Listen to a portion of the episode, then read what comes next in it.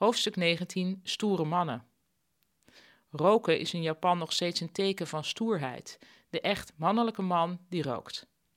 Veel mannelijke Japanse sterren zien er weliswaar een beetje androgyn uit, toch is er in de Japanse samenleving nog altijd een belangrijke plek ingeruimd voor het archetype van de stoere man. Het bekendste type stoere man is lid van de Yakuza, de Japanse maffia is dat. Vroeger kon je de Yakuza duidelijk herkennen aan de tatoeages die ze hadden. Tegenwoordig schijnen veel Yakuza-leden tatoeages juist te vermijden, zodat ze minder herkenbaar zijn. Voordat de Yakuza bestond, was de rol van de stoere man voorbehouden aan de samurai.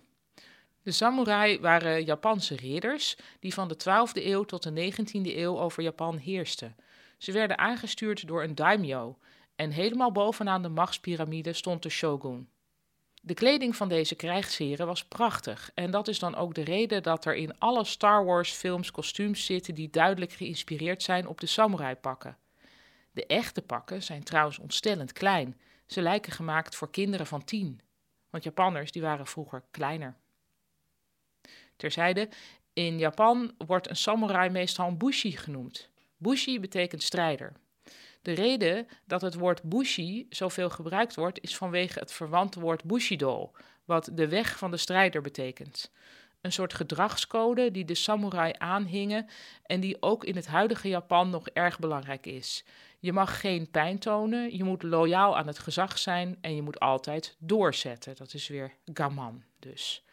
En trouwens, uh, je merkt dus dat ik de hele tijd zeg de samurai zijn en niet de samurais zijn. Dat is omdat in het Japans geen enkelvoud en meervoud bestaat. Dus voor mij voelt het uh, als zowel enkelvoud als meervoud. En nog een terzijde, in het moderne Japan wordt nog steeds de term kubini naru gebruikt. En dat betekent letterlijk een nek worden. Het is een manier om te zeggen dat je ontslagen wordt. Je hoofd gaat eraf en je wordt een wandelende nek. Dat is ook dus ook een beetje de bushido, de, de, de weg van de strijder. Wie niet loyaal was, die, die werd onthoofd. Dat zie je nog terug in de taal.